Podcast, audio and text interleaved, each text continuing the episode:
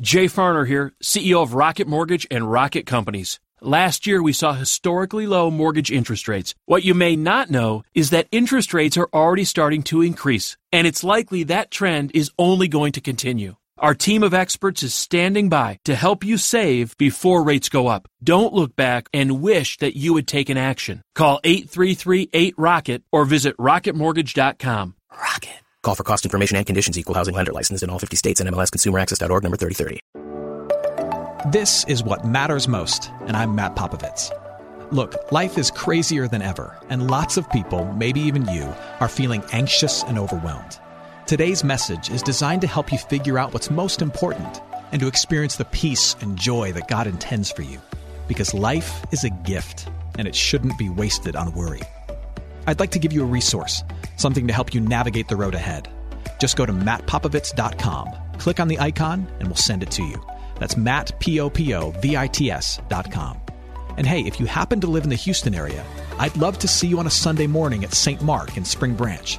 Head to stmarkhouston.org to plan your visit. Here's today's message. Thanks for listening. Chances are you're hoping that this year that we're now in is, is in some way, shape, or form different than the year that's gone by. Maybe last year was great, but my hope is that you want this year to be even better.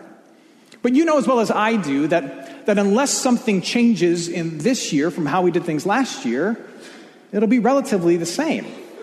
If, if you keep doing what you've always done, you're going to get what you've always gotten. You've heard that phrase. Jump with me back to the very first psalm. Psalm 1, the first three verses. First three verses say this Blessed is the man who walks not in the counsel of the wicked, nor stands in the way of sinners, nor sits in the seat of scoffers. But his delight is in the law of the Lord, and on his law he meditates day and night. He's like a tree planted by streams of water that yields its fruit in its season, and its leaf does not wither. In all that he does, he prospers. Hold on to that verse, put it in your back pocket for just a moment. In our current day and age, we are focused intently, you could almost say religiously, on two things in our day and age the pursuit of personal passion and the expression of personal freedom. It's gotten to a point where you could argue that the gravest cultural sin that you could commit is to get in the way of someone defining and then pursuing their own particular passion, or in any way, shape, or form hindering someone else's expression of their individual personal freedoms. And so, as a result, as a culture, we encourage one another almost without end to define your desire Define your desire, plan out your passion, and then pursue it. Define your desire, plan your passion, and then pursue it. In your career, in your family, uh, if there's a deep indulgence that isn't going to harm anybody else, just kind of go after it. We encourage people to do this non-stop. So much so that this, this, comp- this comprises the bulk of what you see posted as inspirational memes on Instagram. For example, just take a look at one of the many 5 million memes that your wife's best friend posts on her Instagram feed all the time. Stuff like this You will never find a better dance partner than your own spirit. I don't know what that means. I don't know what that means. But we are encouraging each other to, to dive into this. That, that if you define your passion and you pursue it, and if you get to retain control over your life, saying, This is who I am, this is my goal, this is gonna, this is going to lead to my freedom and my flourishing according to my design, then I get to dive into it. Now, here's the thing God is all about your flourishing and your freedom. But I want you to notice something about the world that we live in. It is creating a tremendous amount of pressure on you. You define it, you find it. You indulge in it. You chase after it. You build it. You pursue it. You make it. You succeed at it. It's all about you. You do you. And find your freedom. Find your flourishing. Now, again, God is all about your freedom and your flourishing, but here's what we need to talk about this morning that God's prescription for your true freedom and your true flourishing is drastically different than what we hear echoed all the time in our current culture. That your true freedom and your great flourishing is not found in you getting to retain control of your whole life, pursue your passion however you define it and however you discern it. But instead, in submitting, oh, that's such a tough word, submitting your life, your year, to His Word and your outcome to His will. That's hard. Jump back again to Psalm 1. Blessed is the man who walks not in the counsel of the wicked, nor stands in the way of sinners, nor sits in the seat of scoffers, but his delight is in himself. Eh, wrong. His delight is in the law. When you hear the word law in the Old Testament, think, think the teachings, the words, the will, and the ways of God as it has been revealed to us. But his delight is in the word and the ways and the workings of the Lord, and on his words, his ways, and his workings, he meditates day and night. He's like a tree planted, rooted by streams of water. Another way to translate that word blessed in Hebrew is, is happy. It's the Hebrew word asher, which means deeply, profoundly, like at the soul level, you are happy and satisfied. And in the psalm, it says that, that deeply happy and satisfied, you could say flourishing, is the man who's not bouncing around from group to group or thing to thing, trying to find its freedom and its joy. But instead, the happy, blessed, flourishing man or woman is someone who has decided, I'm not going to follow my gut to this thing and this thing and this thing, but I'm going to plant myself, root myself, bind myself, tie myself, you could say restrict myself to one thing. And that one thing is the word and the will and the ways and the teaching of God. Now, now we're going to dive a little deeper on what that means in just a moment, but I want to highlight a principle that you see at work here in the scriptures, but that's also just embedded into the reality of creation as a whole, whether you're a Christian or not. And that, that principle is this that we flourish not in the absence of restraints, but in finding the right ones. And no matter what our culture and our world or ourselves currently is saying, this is true. That freedom and flourishing is not found in the absence of restraints. I can do anything at all, but in finding the right restraints that set you free. And you see this all the time.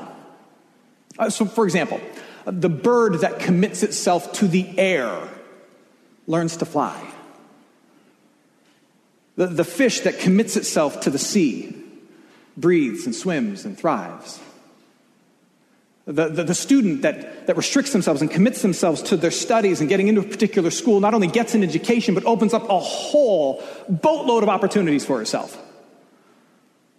The artist who, who has tunnel vision on one muse, one picture, one bowl of fruit for hours on end, just one unlocks undiscovered creativity.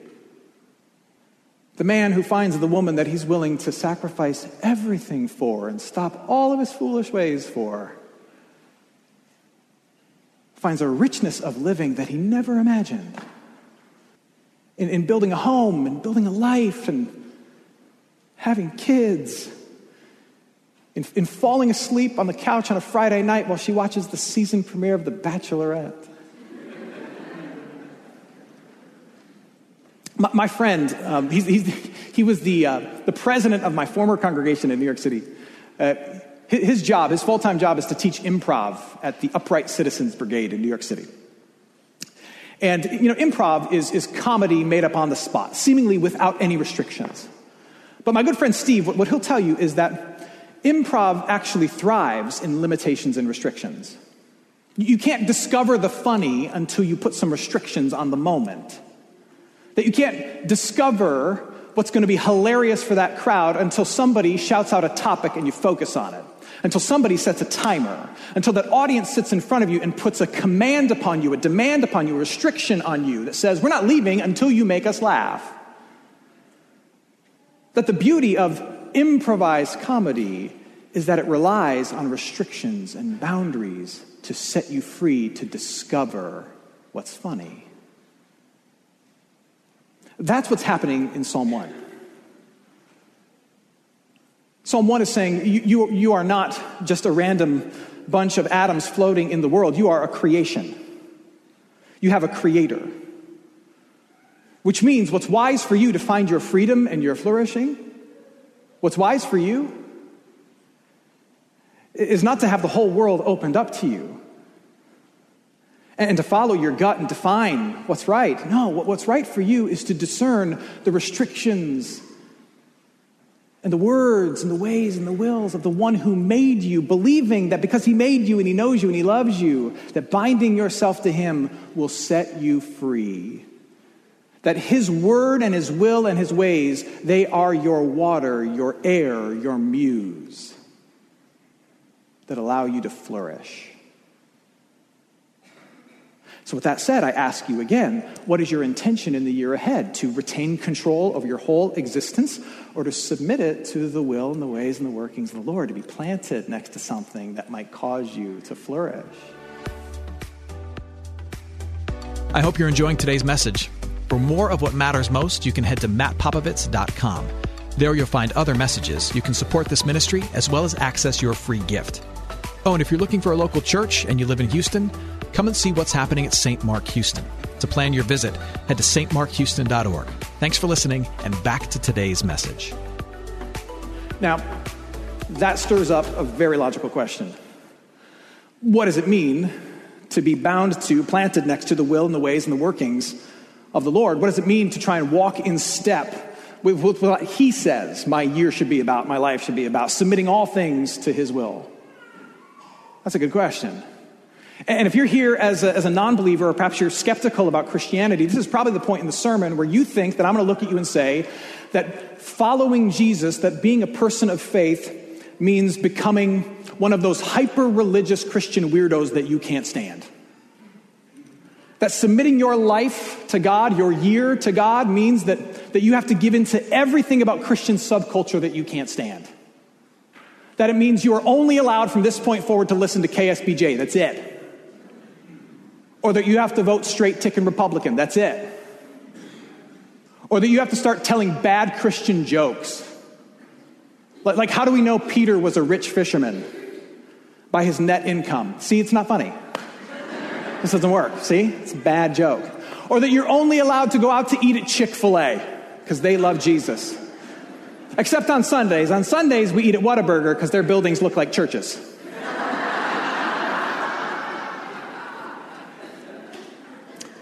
that, that's not what this is about. Here's what it means. Here's what it means to have your whole life submitted to God, planted next to Him. It means your life is submitted to God because you have His Word as your primary point of reference in the big things and the little things and all things. His word, given to us in the scriptures, lived out among his people, revealed in fullness in the person and work of Jesus, all of that becomes your primary reference point. Now, you, you may not know this, but you have a reference point for everything already. You have some gauge on a dashboard that you've built in your heart and mind by which you measure every decision, every action to see if it's going to work for you.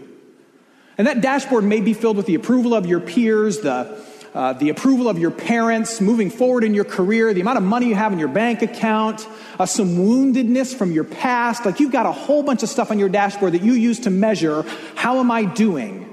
Am I moving in the right direction? Is this a wise choice or a foolish choice? And what I'm saying to you is that the person of faith, what they do is they recognize that dashboard, and as best we can, and this is something that has to be repeated and repeated over time, we kind of wipe that dashboard clean and we put God's word and his will and his ways and the person of Jesus right there, and we, we use that as the gauge. To say, am I, am I, am I wise? Am I foolish? Am I, am I headed in the right direction? Am I, am, I, am I doing the right thing? To be submitted to God means to use his word as your primary reference point. It, it, it's kind of like when you were when you were first dating your, your now spouse but it was serious enough that you knew it was going somewhere. And you were so overwhelmed with infatuation and this emerging sense of love that you, you interpreted everything you did through the lens of that love. Not because you were afraid of like scaring them away, but because you were so overwhelmed with the gift of this person in your life that you wanted everything you did, from a big decision at work to what you wore on date night, to be interpreted through that lens of what will she think? Would he like this? Would this help us move forward as a couple, or would it get in the way?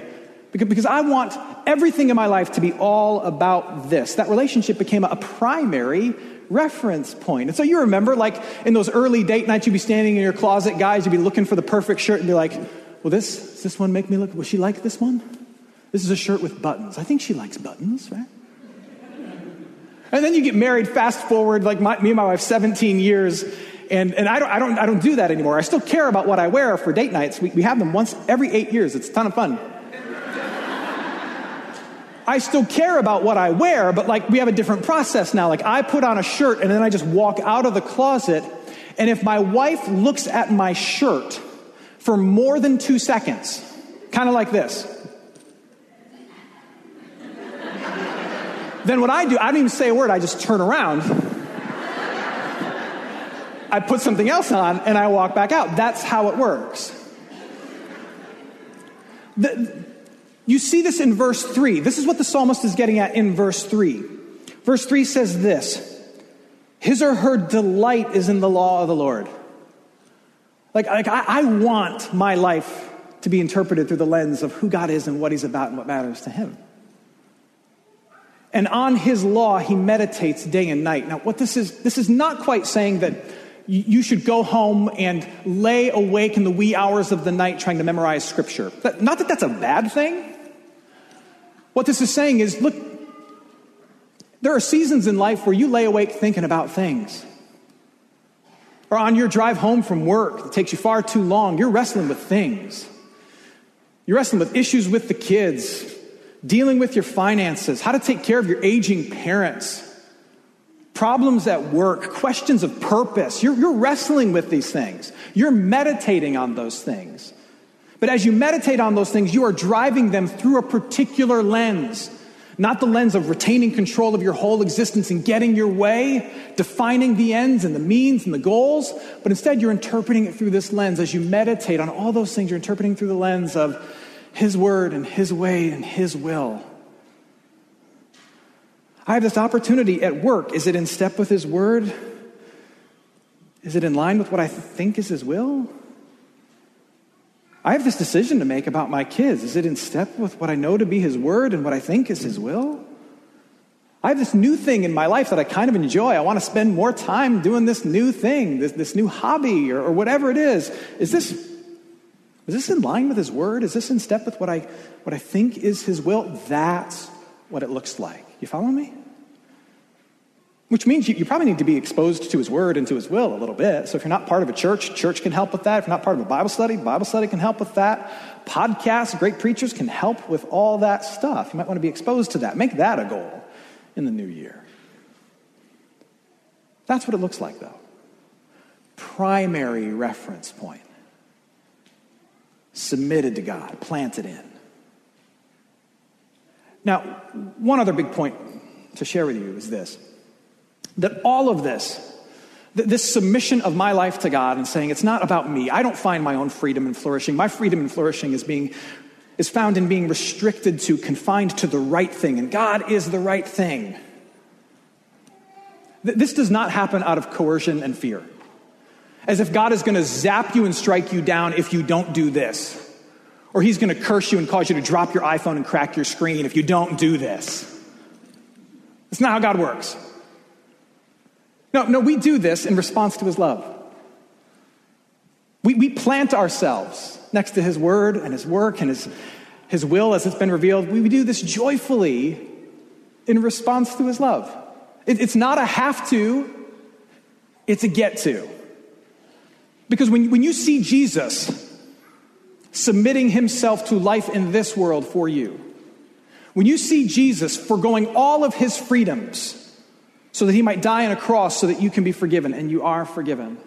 When you see Jesus, lifeless body, being shoved into your grave with your name on it, when you see Jesus emerging from that tomb in victory and giving a gift to you and saying, I've done all this for you. When you see that over and over and over again, when you see the love of God in Jesus Christ, you can't help but respond and say, Oh, I, I love you too. And, uh, and, and I, want, I want my whole existence to be interpreted in light of this love. Look at how you love me. Look at what you give me. It's a response to his love. And he does love you. Now, again, you, you may be hearing this and, and you may be saying, Ha, nice try, Matt. But there is no way that I am submitting my life to anyone other than myself. I am the master of my universe. The best dance partner is my own soul. If you were to say that to me, I would not threaten you in any way, shape, or form. I wouldn't say, you got to do it anyway or else. I would say, okay, fine. But then I would ask you for a, a favor. I would challenge you on one thing. I would say, just for me, try this. Plant yourself, not forever, for a week, for a day, for, for one focused hour on a Sunday morning in some church somewhere. Like, plant yourself next to Jesus. Like, look at him living and dying for you. Listen to his words. Listen to words like, Come to me, all who are weary. Do you feel weary? Come to me, all who are weary, and I will give you rest. Or, blessed are the meek, for they shall inherit the whole earth.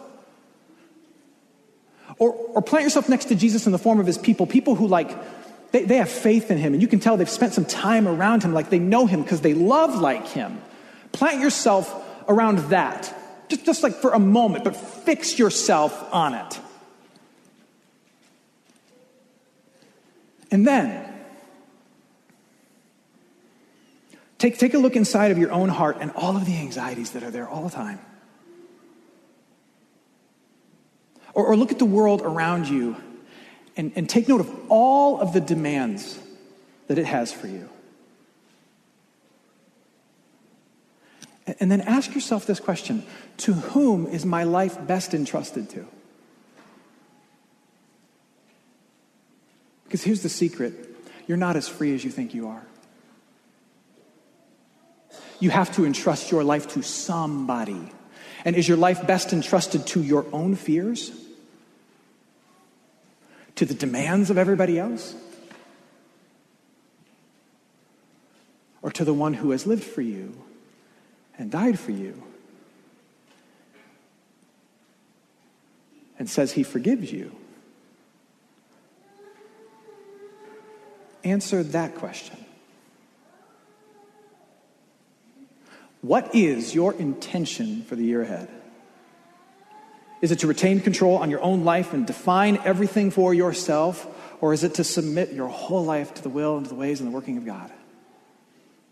We live in a world that is intensely focused on the pursuit of personal passion and the exercise of personal freedom, where we are constantly saying, You define it, you decide it, you choose it.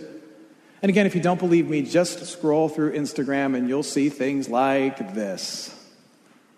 The best way to predict your future is to create it. I am 90% sure that Abraham Lincoln did not say that. But do you notice something? You. You do it. You define it. You pursue it. You create it. You hold your whole life in your own hands. That, my friends, is pressure. God cares about your flourishing too, but He has a different prescription for it. What if it's not about retaining control and defining your year and getting your way, but submitting it all. Planted. Submitting it all to Him. Let's pray.